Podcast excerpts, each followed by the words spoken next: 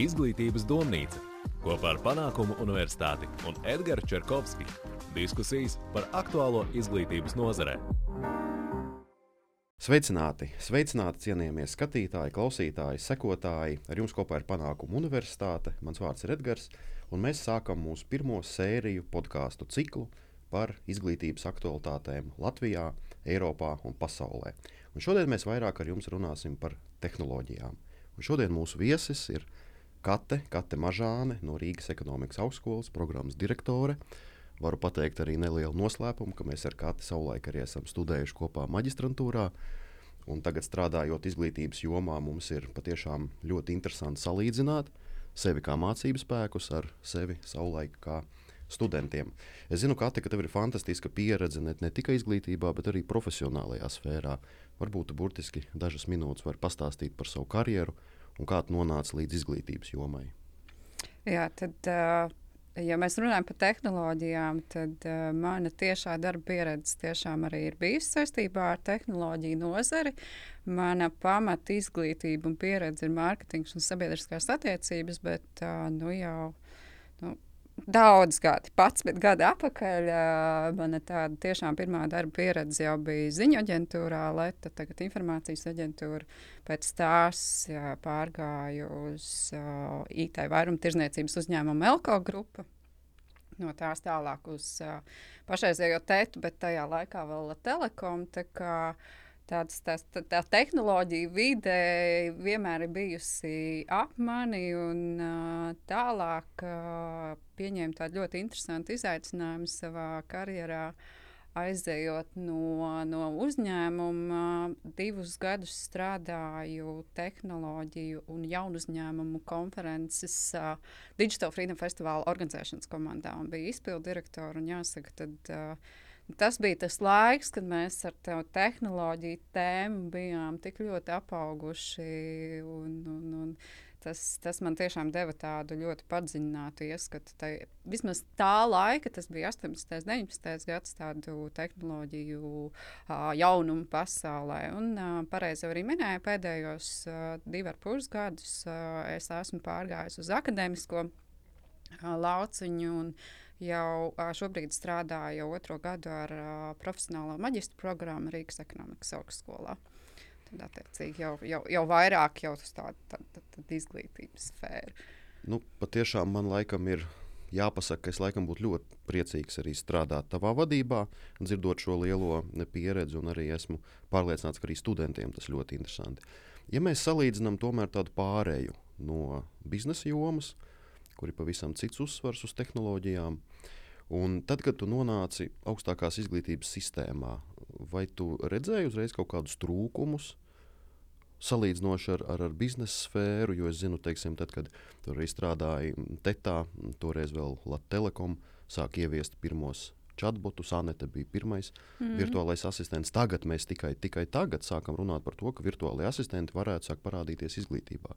Kāds tev, tev, tev bija tāds neliels kontrasts starp privāto biznesu un uzreiz ieiešanu augstskolā tieši tehnoloģiju jomā? Uh, jāsaka, jā, jo uh, es pievienojos uh, augstskolai neilgi pirms pandēmijas, kas, es domāju, šajā tehnoloģiskajā jomā ir vispār ir radījis apvērsumu.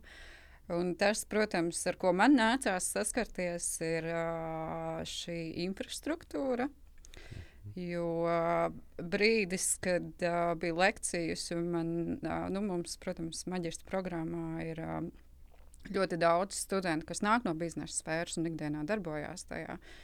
Un kad viens kā, ieteica, ka viņi varētu samesties projektoram, jo viņi vairs īsti neredz grafikus, kas tiek rādīts, nu, tad, tad ir skaidrs, ka tā infrastruktūra bija, vairs ne, ne, nebija gājusi līdzi laikam. Uh, Jāsaka, ir pagājuši divi gadi pēc pandēmijas, un mums viss ir nomainīts. Mums ir jaunākie, jaunākie ekrāni, konferenču aprīkojums, un es domāju, ka tas tas plus, kas būs pandēmijai, ko mēs tiešām arī redzam, kad gan uzņēmumi, gan arī augstākās izglītības iestādes saprot, ka tomēr šī infrastruktūra ir ļoti būtiska tieši šī kvalitatīva izglītības procesa nodrošināšanai. Un tas, tas varbūt nākot no ļoti tehnoloģiskas vides, kurā uh, varbūt šis ekr jaunākās paudzes ekrāns ir tāda uh, pilnīgi lieta, par ko neviens nediskutē, nu, tad pārējot uz augstākās izglītības sektoru, nu, tas infrastruktūra bija pirmais laikam, kas man tā iekrita acīs. Jā. Infrastruktūra. Kā tu domā, vai šis apgalvojums, ka ko arī daudz īstenībā speciālisti saka, ne tikai biznesa jomā, bet arī augstākā izglītībā. Vai mēs varam secināt, ka pandēmija tomēr bija ļoti labs spēriens augstākai izglītībai un mm -hmm. vispār izglītībai Latvijā kopumā, lai saprastu, kādas tehnoloģijas ir nepieciešamas, lai mēs strādātu, es pat negribu teikt mūsdienīgi, bet lai mēs strādātu tā, kā biznesa strādāja jau labu laiku. Nē, es domāju, ka noteikti pandēmija piespieda, tiešām vārda tiešajā nozīmē piespieda ļoti daudziem uh, uh, apgūt tās prasmes, par ko ļoti daudz biznesa sfērā un uh, varbūt tādā politiskā līmenī runāja gadiem. Jo par digitālajām prasmēm, ja mēs skatāmies pēdējos piecus gadus atpakaļ, tad uh, apmeklējot vismaz nozares konferences, uh, katrs otrais eksperts savā prezentācijā stāstīja par to, ka, lai mēs nodrošinātu uh, veiksmīgu Latviju, Latvijas ekonomisko attīstību, mums ir jāveicina uh, digitālo prasmju attīstību. Tā tas no gada no gada, konferences no konferences, tas tika atkārtots, bet mēs paskatījāmies uz tiem uh, rādītājiem, nu tad. Uh, ļoti ilgus gadus. Un, es domāju, vēl joprojām, nu, Latvija šo digitālo prasmu apgūšanā ir bijusi Eiropas Savienībā ļoti zemu. Un tad pienāca pandēmija, mēs praktiski redzējām, ka gan tādā privātajā sektorā, jau tādā mazākā biznesa, un arī augstskolu un arī pamatizglītības jomā, nu, tas bija tas brīdis, kad mēs tikām piespiesti šīs tehnoloģijas apgūt. Es gribētu teikt, ka jā, nu, tagad, šobrīd, ja mēs runājam par tādām digitālām prasmēm, pamatā, pamatā līmenī, nu, tad es domāju, ka vismaz ar, ar internetu datoru lielākā daļa arī mākā pieties. Interesanti arī. Vakar apstājos, nu, līdz šim, protams, arī Centrālais statistikas birojas apkopo šos datus par šo internetu lietošanu. Nu, ja paliekas piecus gadus atpakaļ, mēs runājam, tur knapi 80%, tad tagad ir viss stabili 90%. Kā, nu, tas ir šie 10% kāpums, es domāju, ir diezgan, diezgan uh, vērā ņemams. Nu jā, atgriežoties pie prasmēm. Ļoti pareizi ir minēts, ka mums ir jāsaprot, kādas nākotnes prasmes mm -hmm. un kādas nākotnes tehnoloģijas mēs izmantosim. Lieliem uzņēmumiem ir savi resursi, viņi var sekot līdz tam, kas notiek pasaulē, ir strateģiskās daļas, viņi to diezgan veiksmīgi var realizēt. Bet, ja mēs atgriežamies pie skolām, pie skolotājiem, mēs bieži vien televīzijā dzirdam, ka skolotājiem ir jāparedz tas, ko nākotnes tehnoloģijas prasīs jau tuvākajos gados. Un tad ik pa laikam tiek arī minēts, ka nav pareizi tas attiecas arī uz privāto biznesu arī uz skolu, ka nav pareizi apgūt kādu konkrētu tehnoloģiju, mm -hmm. kādu konkrētu rīku, kādu konkrētu programmu. It īpaši, ja, ja tas tiek apgūts skolas līmenī, jo tur ir ļoti daudz problēmas. Pirmkārt, skolotāji iemācās vienu rīku, bērniem tas nav interesanti, tas pats var, var attiecināt uz studentiem. Tad jautājums ir, kā tad skolotājiem saprast, kādi būtu nevis rīki, kas ir jāmācās, bet kādi būtu tie tehnoloģiskie virzieni, lielie, lielie, lielie tehnoloģiskie virzieni, piemēram, kā mašīnu mācīšanās vai mākslīgais intelekts, kas tuvākajā laikā būtu nepieciešams. Un ar to tuvāko laiku mēs domājam šo 2025. gadu, kas ir mm -hmm. uzlikts kā nākošais attīstības punkts, un pat skolu 2030. 30. gads. Nē, es domāju, ka tādā izpratnes līmenī, protams, uh, ir jābūt vismaz skaidram, kas ir mākslīgais intelekts. Manuprāt, šobrīd arī ir pieejami šie bezmaksas kursi. Tā laikam bija Helsinki vai Skandināvijas viena universitāte, kas šobrīd arī latviskoja šo kursu, kur var iegūt pamatzināšanas, kas vispār ir mākslīgais intelekts. Jo mums mākslīgais intelekts asociējās ar robotiem. Nu, gluži tā nav. Tur ir ļoti daudz dažādu līmeņu, un manuprāt, tā, tā pamata izpratne ir vajadzīga ikvienam. Bet tas otrs, kas man liekas, ir ļoti svarīgs, ja, ja mēs runājam par šīm digitālajām prasmēm, tad tas viens tehnoloģiskais, ko mēs tikko jau izrunājām, uh, kur uh, pandēmijā ir skaidrs, mēs visi esam apguvuši tādas pamatzināšanas uh, datoru lietošanā, bet tas otrs, kas man liekas, ir ļoti būtisks, pirms mēs vispār runa, ejam dziļāk par uh, šīm tehnoloģijām kā tādām, ir šī intelektuālā puse, uh, zem kuras iet šī analītiskā domāšana un kritiskā domāšana. Un, manuprāt, tas ir tas starp līmenis, kas pie kura būtu uh, jāstrādā vispirms, pirms mēs ejam padziļināt šajās tehnoloģijās. Jo ir skaidrs, ja, ja mēs neattīstam šo kritisko domāšanu, Un kā tu pareizi minēji, ja kāds mums pasaka, tad tagad visi lietosim šo platformu un visi metās iekšā, nemaz varbūt uh, kritiski neizvērtējot, vai tas, tas tiešām ir vajadzīgs vai nav, nu, tad, tad, tad, manuprāt, bez šī starposma.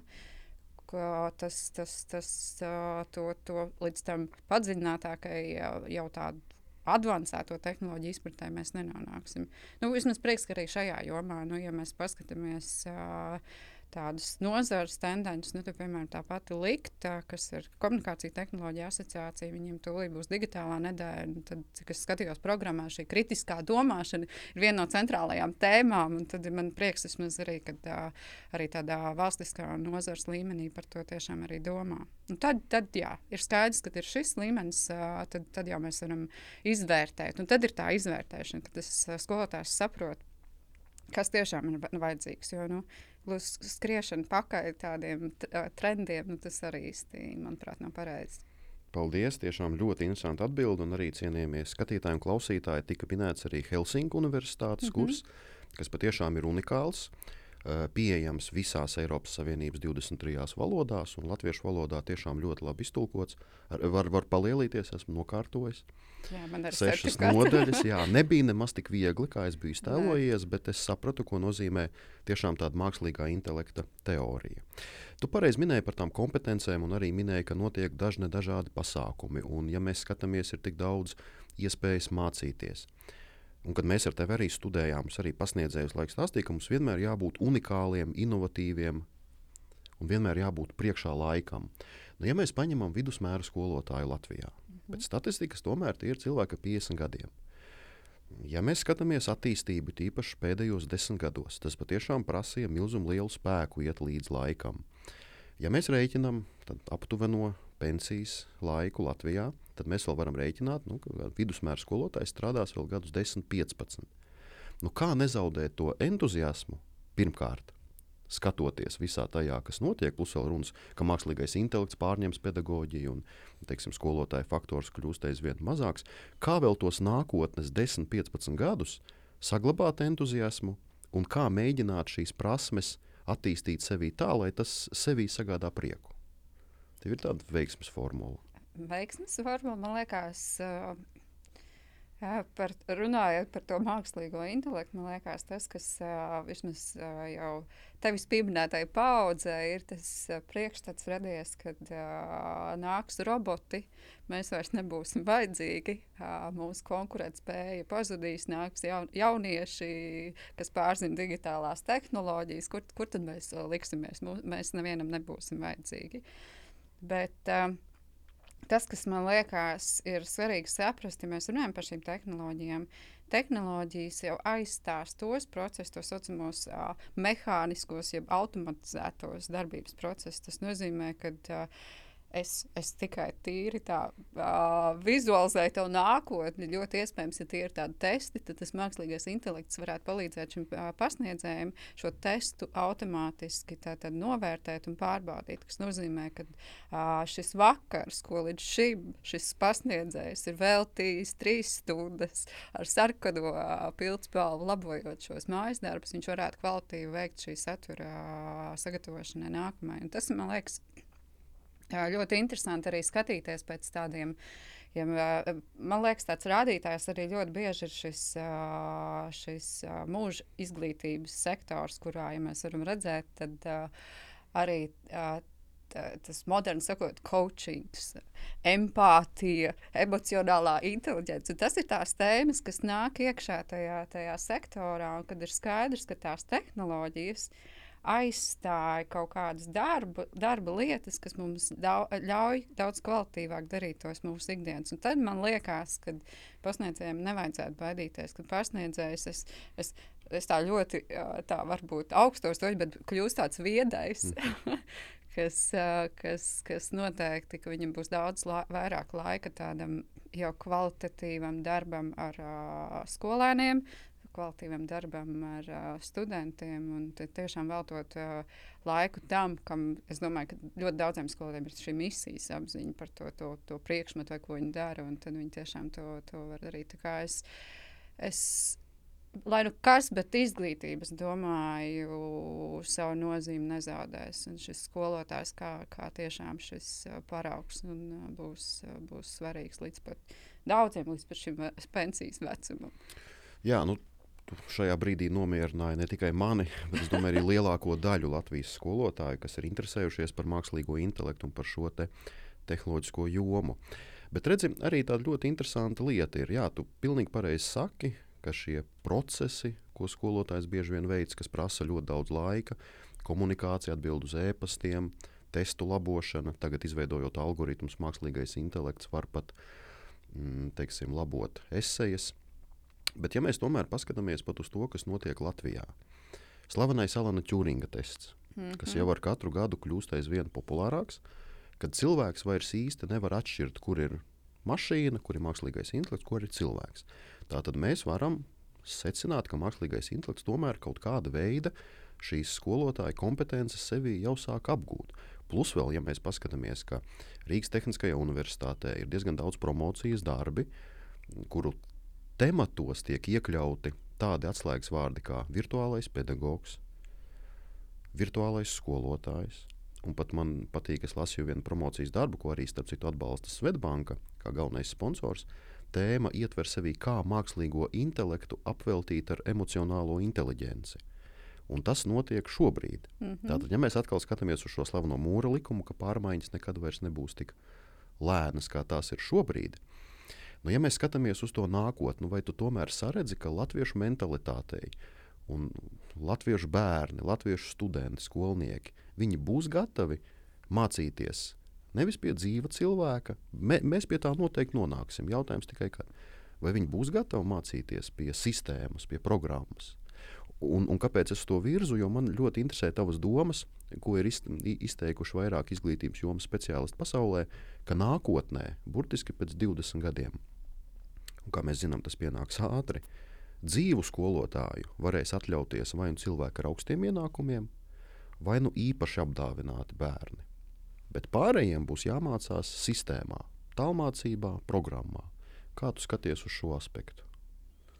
Nē, nu, savā ziņā, savā ievadā to arī pareizi teici. Mēs skatāmies arī uz tādu zināšanu, tas, tas ko pienes šis mākslīgais intelekts. Tas, tas neviena ne cilvēka smadzeņu kapacitāte uh, nav tik liela, cik, uh, cik uh, informācijas var uh, apkopot mākslīgais intelekts. Uh, Nepavēl, tie, tie, mēs runājam ne tikai par mācību spēku, šobrīd arī ir runa par doktoriem, kas būs virtuāli. Bet tādā ziņā, ja mēs runājam par tādu varbūt sistemātisku kaut kādu zināšanu kopumu apgūšanu, protams, noteikti šis dators, ja mēs runājam par vēsturi, Es pieņemu, ka virtuālais vēstures pasniedzējs uz uh, atbildi par konkrēta gadsimta karu, tā sākšanas datumu, zaudējumiem uh, varētu atbildēt ātrāk, varbūt uh, pat, nekā pat uh, viszinošākais vēstures speciālists.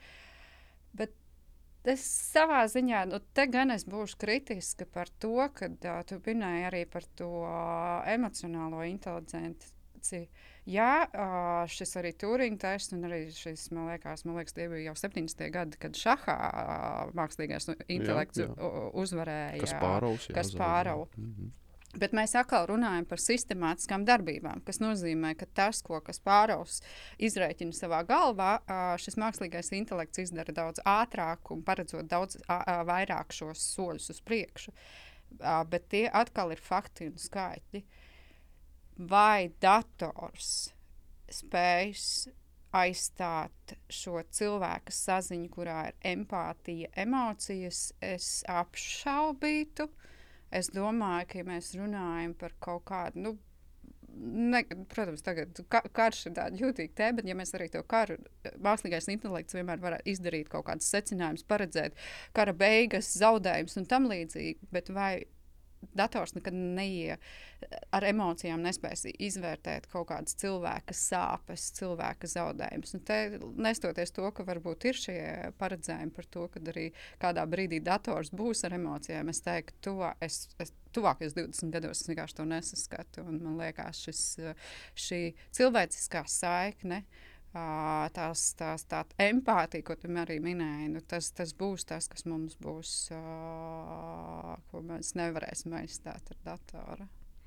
Nu jā, vienmēr tas ir jautājums, ja mēs aizstājam sevi, ko mēs tajā brīdī darīsim vai mums būs tie talanti. Nē, pro, nē protams, strādāt, tur tas uh, laikam arī tā augsta uh, mākslīgā intelekta pārākā pakāpe ir tas, kurā tad, uh, dators tiešām jā, jau, jau ir uh, kontrolē šo cilvēku. Bet uh, es teiktu, zinot arī tos pētījumus, uh, mēs, man liekas, esam uh, mākslīgā intelektam ir šie vairākie uh, līmeņi. Mēs vēl esam šī pirmā līmeņa pašā sākuma attīstībā, kas nozīmē, ka mēs mākslīgais intelekts var iemācīties, atpazīt kaut kādas lietas, bet nu, vēl līdz tā empātijai, man liekas, tur, tur daudz, daudz vēl ir, vēl ir diezgan tālu. Jā, bet fakts un laikam tā atziņa, tomēr, ko arī tu liki teiksim, nostiprināt, arī, domāju, arī mūsu klausītāju un skatītāju apziņās ir tāda, ka tomēr ir jāmācās veselie virzieni, un mākslīgais mm -hmm. intelekts ir viens no tiem, kas, kas jau pēc tam ir nākotnē liks mums arī domāt, kā mums konkurēt ar mākslīgo intelektu, un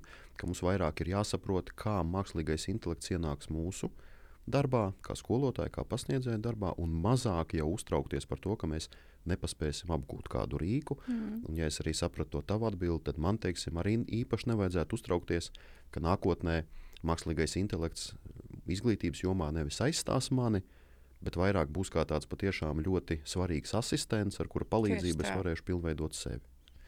Kā tu redzi savu darbu? Ne jau karjerā, bet teiksim, Kate Mažāne, programmas direktore 2030. gads, kas būs. Kā tu iztēlojies savu dienu tehnoloģiju jomā?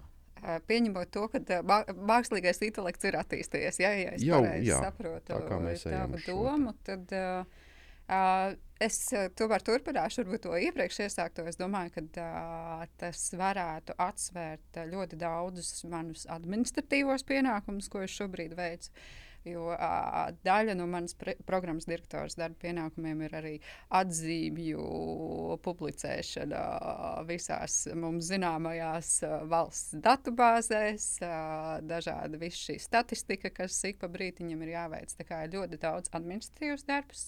Uh, es varētu pat teikt, ka tie ir savi 60% kas ikdienā ir jāveic tieši uh, pāraugot šo mācību procesu.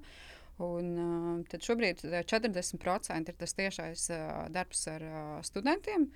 Uh, atbildot uz viņu jautājumiem, tiekoties klātienē, tad uh, ir šīs klātienes lekcijas, ja arī nav, tad, uh, tad, tad online uh, atbildēt uz šiem jautājumiem. Un, uh, Ja pēc skatāmies uz, tad, tad uz to 23, es domāju, ka šī proporcija mainīsies, kad um, man būs iespēja atslogot savu ikdienu vairāk no šādiem administratīviem jautājumiem un tiešām veltīt laiku uh, šīm studentu uh, progresa novērtēšanai, kam jāsaka, ikdienā varbūt tik daudz laika neatliek.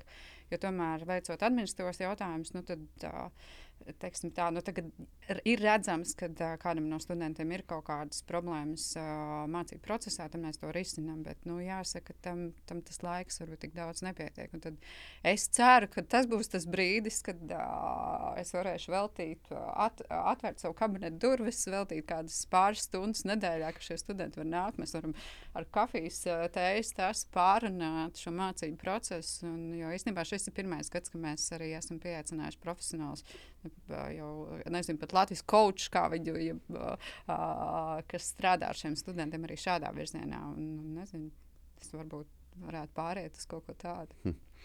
Nu jā, tev laikam ir tāds praktiskāks skatījums. Es jau savu to 2003. gadu biju iztēlojies, ka es varētu gulēt kaut kur pludmalē, nedarīt. Bet tajā pašā brīdī manā tēlā ar deepfake tehnoloģijām tiktu vadītas lekcijas vairākās Latvijas mācību iestādēs. Es biju mm. tā to mm. iztēlojies. Tikai es vienmēr domāju, ka tas visticamāk tā arī būs, kurā brīdī pazudīs tā jēga man visā tajā iesaistīties, ja, ja jau tehnoloģija pārņem man darbu. Jā, mēs esam nonākuši pie tā, ka šie virzieni svarīgi, mākslīgais intelekts, mašīnu mācīšanās, kuras kļūst aizvien gudrākas. Bet tomēr, ja mēs skatāmies uz pētījumiem un ja mēs skatāmies to, kas notiek pasaulē, ne jau tikai pandēmijas ēnā, bet arī vēl pirms tam tehnoloģiskajam attīstības progresam, ir arī diezgan liela ietekme uz sabiedrības, nu, nosauksim to psihoemocionālo veselību. It īpaši runājot par skolotājiem, ja mēs paņemam arī attīstītās valstis, kur tehnoloģijas ļoti strauji attīstās, ļoti strauji pieaug arī tāda veida problēmas kā profesionālā izdegšana, mm -hmm. vegetatīvā distonija, depresija un tā tālāk. Tas teikt, mūsdienās ļoti populāri. Arī tāds rakstnieks Mets Haits ir rakstījis ļoti interesantu grāmatu, piezīmes par nervozu planētu, kur viņš pēc būtības izstāsta to savu bēdu, ka viņš tik ļoti gribēja visu izzināt tehnoloģiju jomā, ka viņš sāka pazaudēt to savu cilvēcīgo skatījumu un sāka izjust trauksmi, ka viņš nevar paspēt visam līdzi. Un ja, un ja mēs skatāmies, teiksim, patiešām vidusmēra skolotāju, kurš nepārtraukti televīzijā, masu medijos un no ministrijas un, un no visāda veida institūcijām visu laiku dzird, ka viņam nepārtraukti ir jāattīstās. Nu, kā saglabāt to mieru, kā nepakļauties stresam un kā saglabāt to cilvēcīgo aspektu tehnoloģiju attīstības laikā? Mm. Vai tev ir kāda veiksmes recepte? Īstenībā interesants jā, jautājums, jo pirms šiem trim gadiem, kad uh, es strādāju pie šīs konferences, digitālo tehnoloģiju konferences satura veidošanas, mums bija vesela tēma, kas uh, nu, tādā, uh, tieši pārtulkot no angļu valodas ir digitālā detoksikācija, jeb uh, kā pavadīt savu ikdienu Uh, mazinot šo stresu, kā tu tiešām arī minēji, jo tās, šīs tehnoloģijas un ātrās informācijas aprit tiešām var radīt uh, ļoti lielu stresu cilvēkiem. Mums bija vesela tēma, ko mēs veltījām, un īstenībā, manuprāt, tas svarīgākais tieši runājot par šo tehnoloģiju radīto stresu, ir tas, ka mēs novelkam robežas. Un mēs, mēs kontrolējam tehnoloģiju, nevis ļaujam tehnoloģijai kontrolēt mūsu. Jāsaka, te, te, tas nav vienkārši, jo mūsdienās tehn, tas, tā robeža starp tehnoloģiju kā darba rīku un tehnoloģiju kā a, mūsu, varētu teikt, brīvā vai a, laika vai atpūtas a, rīku, tas, tās robežas sāk izplūst, bet man liekas, tiešām tas pats svarīgākais ir novilkt šīs robežas kontrolēt tehnoloģiju, ne, ne, nevis ļaut tehnoloģijai kontrolēt mūsu. Tāds pavisam konkrēts piemērs no manas pašas ikdienas, divus gadus atpakaļ es vismaz nu, mobilajā telefonā, kas mums, man, manuprāt, lielākajā daļā ir šis ikdienas arī galvenais darba rīks, atslēdzu vi, visas praktiski no, šos paziņojumus, no angliski tās ir notifikācijas, kas varbūt nav tieši saistīts ar manu ikdienas darba pienākumu veikšanu. Tad, tad šobrīd manā telefonā ir palicis paša, ar, bet arī pašas nepieciešamākās saziņas grupas, kas ir tieši saistīts ar darba pienākumiem, kas nozīmē, ka uh, nav vairs. Es vismaz labu laiku atceros, apakaļ, tad, nu, tad bija paziņojumi par ienākušiem e-pastiem, paziņojumi par jaunākajām ziņām. Es esmu izvēlējusies pati kontrolēt to. Tas nozīmē, ka tajā brīdī, kad man ir laiks, es izlasīšu e-pastus, tajā brīdī, kad man būs laiks, es izlasīšu ziņas. Tas nozīmē, ka uh, tas ir tas stress, kas uh, mums liekas, mēs kaut ko varam palaist garām. Bet mums jāsaprot, ka mēs esam tie, kas, uh, kas, kas arī kontrolē. Uh, un arī nosaka. Un, uh, manuprāt, otrs arī aspekts, uh, kas varbūt nav pat arī tik daudz saistīts ar uh, darba vidi, bet ir šī šis privātums, ko, manuprāt, tas īstenībā pārsteidz, cik maz cilvēki kontrolē savu privātumu šajā tehnoloģiju pasaulē. Tas nozīmē, ka nu, ir nācies dzirdēt, ka, piemēram, cilvēki apgalvo, ka uh, viņš ir paudis kādu viedokli un saņems negatīvus komentārus. Bet tad man ir pretjautājums, tā, tā ir apzināta izvēle, ko cilvēks var veikt. Tev ir tiesības noteikt, kurš tavu viedokli lasa. Tev ir tiesības noteikt, kurš tavu viedokli komentē. Tas ir tas, ko mēs varam koordinēt. Man liekas, ka uh, ir kaut kādas. Varbūt tas ir informācijas trūkums, ka mēs to palaidām tādā pašplūsmā, ka mēs vairs nekontrolējam tehnoloģiju, bet tehnoloģija kontrolē mūs. Tas man liekas, jā, tas vismaz man personīgi no kaut kādiem tīri tādiem ikdienas uh, paradumiem, uh, vienkārši atsakoties no kaut kādām lietām, es vismaz esmu neļauj radīt stresu tehnoloģijai manā ikdienā. Paldies, jā, tie tiešām ir labi padomi. Es savulaik arī esmu izslēdzis ārā nevajadzīgās funkcijas telefonā, un ņemot vērā, ka telefoni kļūst gudrāki, teiksim, telefons jau pēc GPS lokācijas saprot, mm. kur es atrodos, un viņš pielāgojas attiecīgai vietai. Kas ir ļoti interesanti, ja mēs skatāmies tieši uz šo te, tu, pareizi minēji, ka, mēs, ka mums ir jākontrolē tehnoloģijas, nevis pretēji. Bet, bet šeit ir viens tāds ļoti interesants moments. Jo vairāk mēs lietojam tehnoloģijas, jo aktīvāk mēs to darām, jo mēs mazāk varam saglabāt savu identitāti. Kāpēc? Jo pilnīgi gandrīz visas tehnoloģijas mums prasa apstiprināt privātuma politiku. Mm -hmm. Un brīdī, kad skolotājs pēc būtības skolotājs strādā ar informāciju, kad uh, skolotājs seko līdzi jaunākajām aktualitātēm, lieto internetu, lieto telefonu, uh, viņš nepārtraukti tiek analizēts. Jo tehnoloģijas kontrolē visu, ko mēs darām, katru mūsu kustību internetā. Mārketinga cilvēkiem tas ļoti labi. Viņi pēc tam veido to saucamus filtru burbuļus. Bet tomēr, lietojot tehnoloģijas, mēs nonākam tehnoloģiju pakļautībā, un tehnoloģijas ieliek mūs patiešām tādā vakumā. Nu, nu kā varbūt izrauties ārā no šī filtra burbuļa, nu kā nedaudz nedaudz paskatīties plašāk un mēģināt nu, nepakļauties tam, ko mums visu laiku iesaka sociālajie tīkli, ko mums iesaka teiksim, arī. Mm, teiksim, Arī caur reklāmām un tā tālāk, ja kas bieži vien nonāk ar izglītību. Nu, kā no šī te, un vai vispār, vai vispār var no tā izrauties ārā? Jo, ja mēs no, no, nu, no tā izraujamies, pēc būtības mēs sagraujam visu mūsdienu tehnoloģiju. Jo tehnoloģijas kontrolē mūs un rada mums tādu vidi, kurā mēs jūtamies ērti. Nu, nu, kā tu varētu pakomentēt šo te, kā tikt ārā no šīs tehnoloģiju vides, ja, ja patiešām tehnoloģijas mūs kontrolē?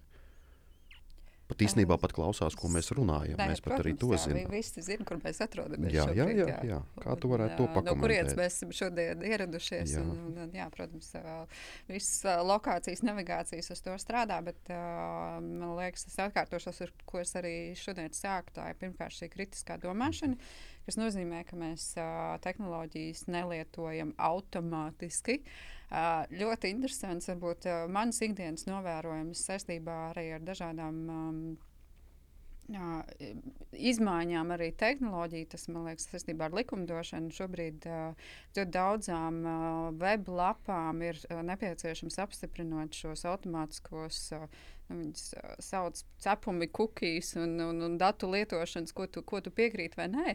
Ļoti interesanti vērot, ka, protams, vairākums šo weblapu tev automātiski ir izvēlējušies pilnīgi visu. Kad tu ieeji, tad uh, viņš šo tavu izvēli ir izdarījis jau tavā vietā, un praktiski tur ir liela poga, accept uh, all, jeb latviski akceptēt visus. Uh, Un, uh, jāsaka, es pat esmu pieķēries sev pie domas, ka šādā informācijas uh, varbūt patēriņā, kas notiek ātri un dažkārt automātiski, protams, mēs vairākumā gadījumā šo, šo, šo, šo izvēli, ko tehnoloģijas nosaka mūsu vietā, mēs akceptējam visu. Uh, Un te ir tad, tad jautājums, šī kritiskā domāšana, ja tu velti šo uh, 30 sekundes, lai izlasītu, ko, ko šī tehnoloģija, uz kādiem nosacījumiem vispār, kāds ir šis, šī pirmreizējā vienošanās ar tevi, varbūt ir daudz lietas, ko mēs varam mainīt. Un man ļoti interesanti, man liekas, tas bija gada apakaļ.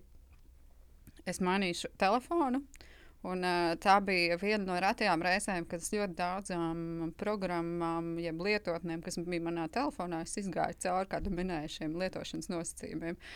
Nu, pre, precīzi arī, kā minēja, nu, tas pats lielā, viens no lielākajiem mums zināmajiem Google automātiski manā vietā bija atzīmējis visu iespējamo, ko var atzīmēt. Ja, sākot ar to, ka man var zināt, kur es atrodos, kādas manas preferences, kā, kādas reklāmas man rādīt un, un tam līdzīgi. Nu, tad es atļāvos veltīt šim vienu vakaru. Uh, atķeksējot ārā un tomēr izvēloties to, kas, kas manuprāt, ir svarīgi. Un tas, tas, tas, tas, diemžēl, nu, ir, ir jāsaprot, ka uh, zem šiem tehnoloģiju uzņēmumiem ir lielas naudas.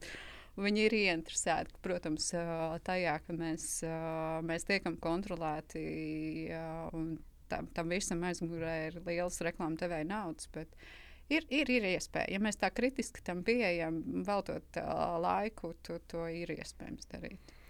Nu, cepurnost, jo es baidos iet iekšā tajās funkcijās Jā, pats. Un, teiksim, arī tāds incidents piemērs, mēs te tev runājām. Tie ir tādi atslēgas vārdi, ko tu minēji. Latvijas Informāciju un Komunikāciju tehnoloģiju asociācija. Jā.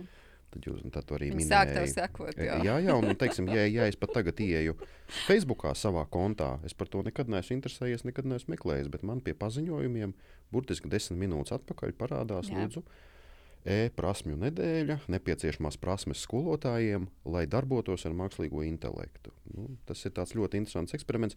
Es vairāk kārtīgi to esmu darījis, un tas patiešām pierādās, ja mēs šīs funkcijas nepārvaldām, tad visa mūsu saruna, visa mūsu saraksta, viss tiek, nu, tiek Nē, tas kontrolēts tādās, sociālā jā, jā. eksperimenta tiešām tā strādā. Jā.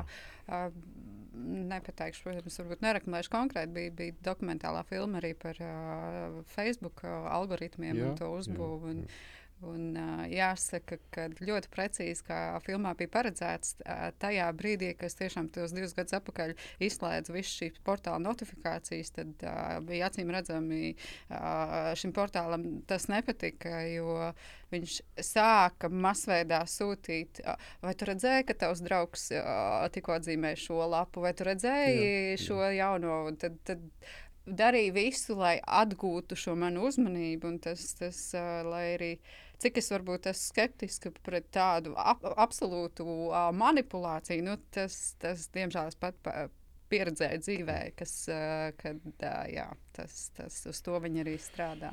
Jā, nu tas patiešām vēlreiz pierāda, ka mums ir jārēķinās, ka visas tehnoloģijas, kas mums ir apkārt, jāuztver pēc būtības kā dzīves cilvēks, ka tu padomā, ko tu Jā. runā, ko tu meklē un tā tālāk, lai, lai arī cik tas nebūtu biedējoši. Ja mēs tomēr paskatāmies to, ko mēs jau esam izrunājuši par šiem attīstības virzieniem, mēs esam parunājuši mm. par šīm kompetencēm, mēs saprotam, ka īsnībā mums ar katru dienu sāk kļūt aizvien grūtāk strādāt pēc būtības. Ja mums ir jākļūst aizvien lielākiem speciālistiem, mums ir jāorientējas pilnīgi visās, visās jomās. Kā tev liekas, vai mūsu skolotāji tam ir gatavi un kā tu raksturotu uz šodienu vidusmēra Latvijas skolotāju tehnoloģiju pārvaldības jomā? Un tīri teiksim, tādā reģionālā līmenī, visas, mm. visas Latvijas kontekstā.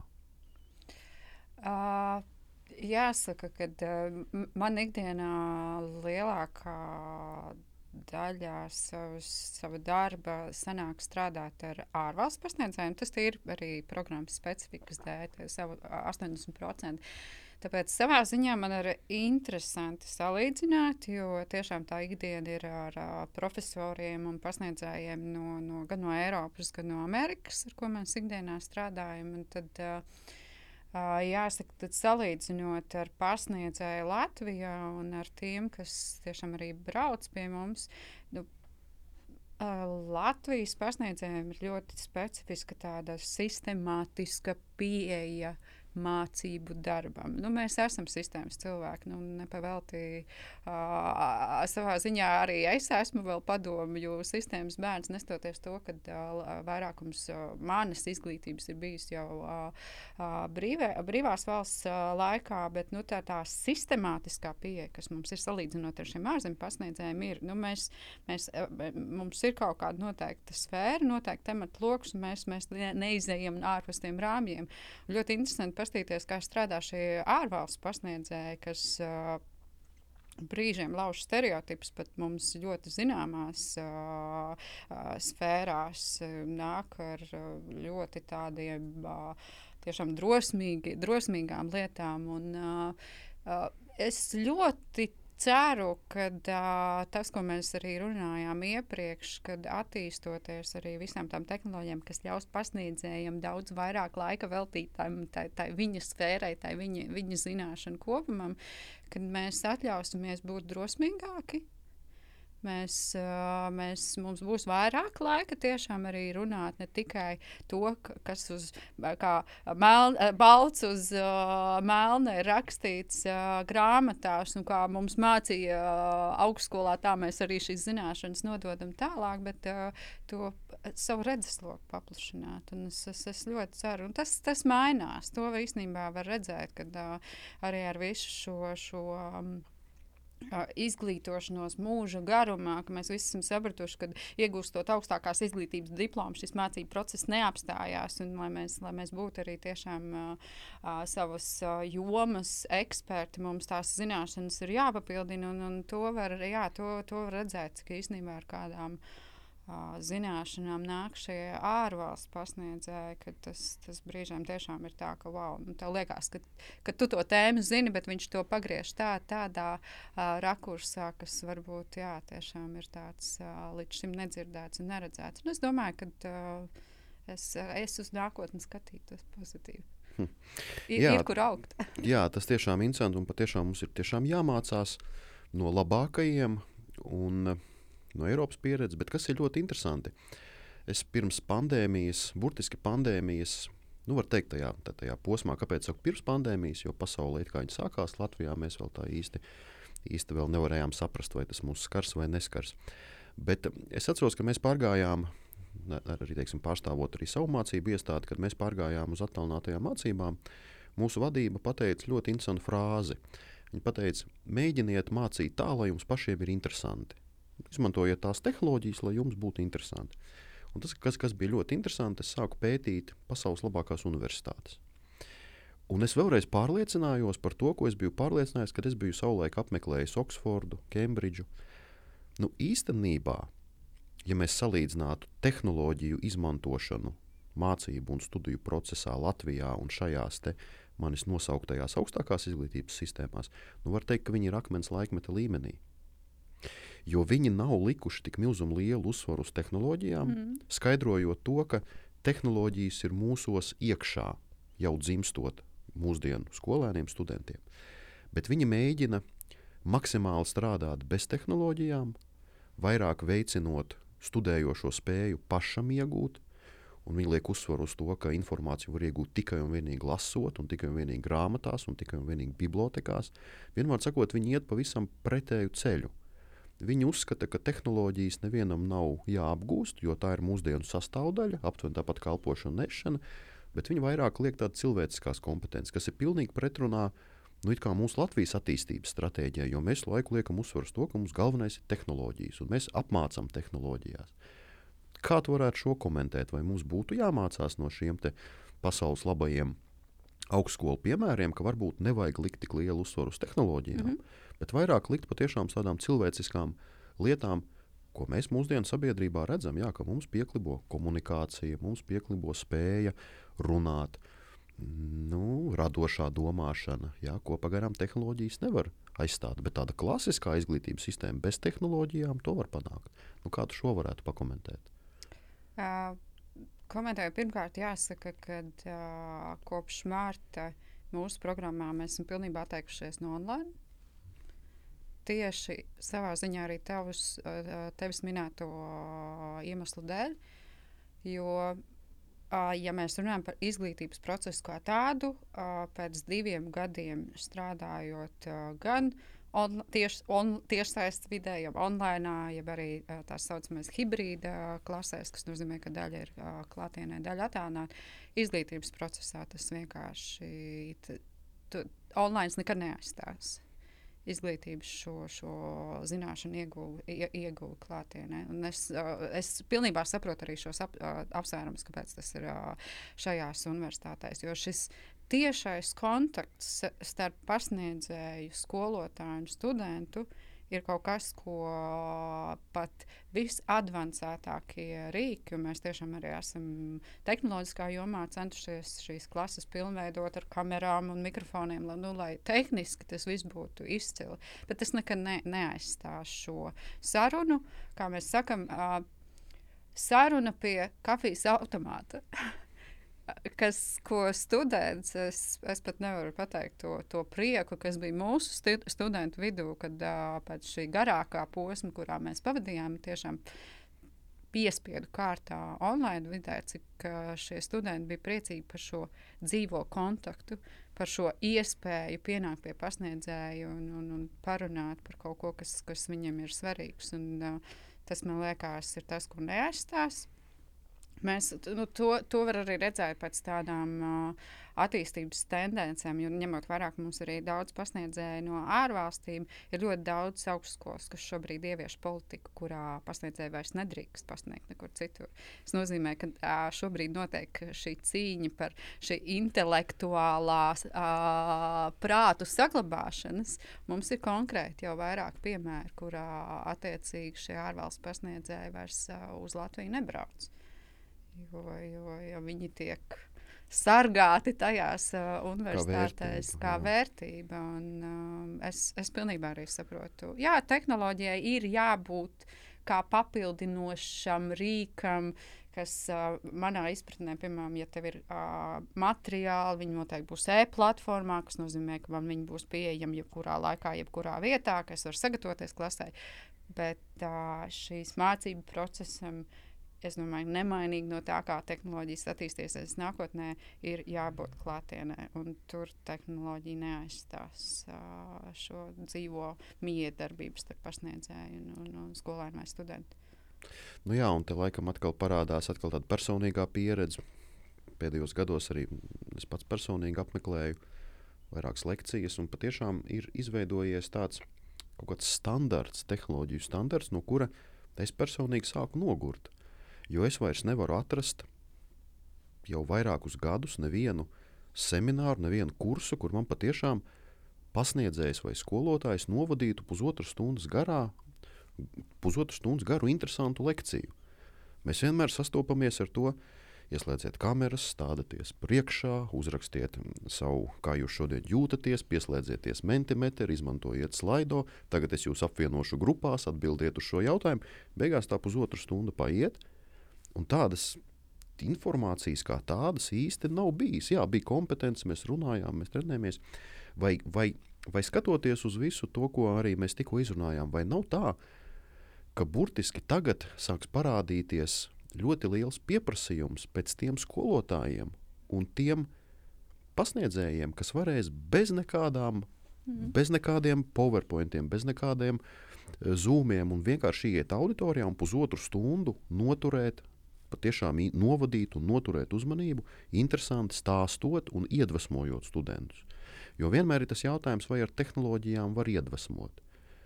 Un vai viņas var izmantot kā teiksim, kaut kādu mūsdienīgu, tādu ļoti interesantu rīku.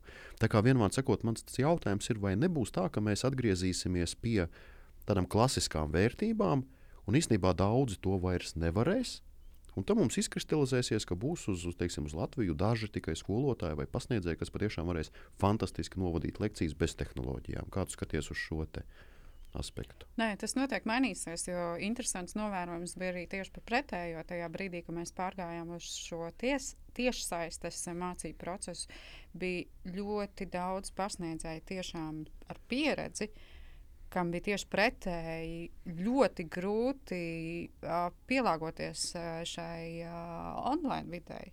Ka pēkšņi uh, mācību process ir lēnāks, tā kā tu arī minēji, pielāgojoties visām šiem tehniskajiem uh, aspektiem, uh, ir nogurdinošāks. Astoņas stundas tiešsaistē ir nesalīdzināmi grūtāk nekā tas ir klātienē. Un bija, es varētu teikt, bija šis pirmais pusgads, kurā uh, bija acīm redzami, ka ļoti daudziem pasniedzējiem bija grūti. Un, uh, es ticu, ka uh, tiešām būs arī šis pretējais efekts, kad uh, šie pasniedzēji atgriezīsies uh, klātienē. Tad būs pretī šis skolēns vai students, kas būs pieredzējis pie šī, ka viņš kontrolē uh, ka viņš var izslēgt savu ekrānu, viņš var nu, izslēgt savu mikrofonu un kā, nu, ko katrs nu dara tajā laikā, jeb kontrolēt šo mācību procesu, un tad viņš atgriežas vidē, kurā viņam ir jāvēlta atkal 100% uzmanību šim mācību procesam. Bet, um, tas, kas jau ar ko mēs esam eksperimentējuši šajā online vidē, kas manuprāt varētu palīdzēt atgriežoties, tas nozīmē, ka um, tāda vairāk uh, iesaiste. Tas nozīmē, ka uh, mācību process vairs nav tāds uh, lineārs, nepārtraukts, bet uh, līdzīgi kā, piemēram, online, tu sadali šos uh, skolēnu studentus šajās darba grupiņās, nu, tur zumā breakout uh, room, tīri tehniski viņi saucās, un, un vairākas, uh, es domāju, dot, dot iespēju varbūt tam studentam, tam patstāvīgajam laikam, arī tam skolēnam, to vairāk to patstāvīgo laiku, lai tā kā. Uh, Varbūt tas šoks viņam atgriežoties, kā pareizi minēja, kad ārpus man, man, man ir jāsēž visu dienu un jāklausās. Jā. Man nav iespēja izslēgt savu, savu kameru, tas varētu būt. Ja. Tā kā ir, ir. Bija, bija liela izaicinājuma tikko, kad mēs pārgājām. Tā kā tā varētu arī pretēji sakot. Un, jā, un, un tas patiešām būs interesanti, jo mums ir veidojusies jau paudze ar skolēniem, ar studentiem, kas uh, nu, bez tām tehnoloģijām īsti arī mācīties nemāk. Mm. Un varbūt kāds no pasniedzējiem, skolotājiem uzdrošināsies atgriezties tādā stundā, kāda tā bija pirms 15, 20 gadiem. Un varbūt patiešām tās cilvēcīgās vērtības un tā spēja iedvesmot, neizmantojot tehnoloģijas, varētu arī jauniešiem patikt. Jo viss ir atkarīgs no tā, kā mēs to uztveram. Es atceros, ka Nu, tad, kad es mācījos pamatskolā, kas bija tāds, nu, 98, 99 gads, mums bija nu, laikam, lielākais mēneša notikums, ka kāds no skolotājiem stundas laikā izmantoja kodoskopu. Nu, tie, kas zina, kas ir kodoskops, jā, tā bija tāda speciāla ierīce, tā kā, tās prožektors, uz kuru uzliekot virsū plēvi, to plēvi varēja parādīt uz sienas, tad tev vairs nebija jāklausās, ko skolotājs diktēja, bet tu varēji norakstīt patiešām skaistas tabulas. Un, un bija pat speciāls aparāts, kur vajadzēja tās kodoskopu plēves taisīt, un tas bija pietiekami interesanti. Pēc tam, protams, tas jau viss vairs nelikās tik interesanti. Un arī atceroties, varbūt arī tu kā te atceries kādu baudījumu, tu uh, izgu, teiksim, ieguvi uzrakstot vai atbildot pirmo ēpastu, un kāda attieksme pret ēpastiem ir tagad. Kādu teiksim, mēs teiksim, es arī personīgi izjūtu prieku, uz, uz, uz, uzveidojot vai izstrādājot pirmo PowerPoint prezentāciju, uz kuru man tagad vispār nav. Un mēs pat savulaik, pat pieslēdzoties pie datora, mēs izklaidējāmies, lai vienkārši pārrakstītu tekstus, lai vienkārši mācītos. Ja? Tas bija tas laiks, kad. Un tagad mēs no tā visa esam tik drausmīgi noguruši lielākajā ziņā, ja, ka tas jau ir iegājis kā tāds ikdienišķais posms. Tā kā vienmēr sakot, cienījamie arī klausītāji un skatītāji, mums priekšā pat tiešām ir ļoti, ļoti daudz izaicinājumu. Un, ja mēs saliekam kopā visu to, ko mēs šodien esam runājuši, patiešām mums priekšā galvenie izaicinājumi ir mēģināt saprast virzienus. Mums ir jādomā par veseliem virzieniem. Mākslīgais intelekts neizbēgami ienāks izglītības procesā. Mēs noteikti runājam par to, ka šis mākslīgais intelekts varēs mācīties no mums. Mēs tā arī vairāk varējām noprast, ka skolotājs arī vairāk nākotnē centīsies apmācīt programmas, lai tās programmas atvieglotu darbu skolotājam un nedaudz arī mācītu bērnus. Bet uh, ļoti svarīgs arī aspekts, un šodien mūsu diskusija arī virzījās tajā virzienā, ka mums ir jābūt arī ļoti uzmanīgiem, ka mēs nevaram zaudēt modrību.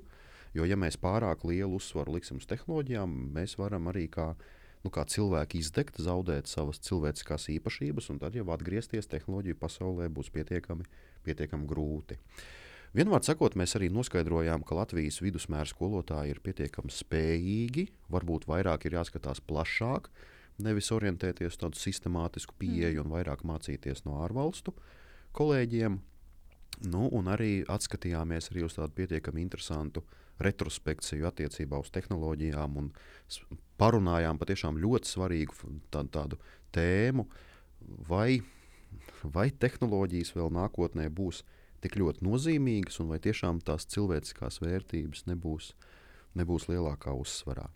Ja mēs to visu tagad savelkam kopā, tad varbūt tāds noslēdzošais, teiksim, tāda tā kā ceļa vārdi skolotājiem, pasniedzējiem, burtiski divas, trīs frāzes, ko tu ieteiktu šajā grūtajā laikā, patiešām progresīvi attīstītajā laikā, nu, kā mums nākotnē strādāt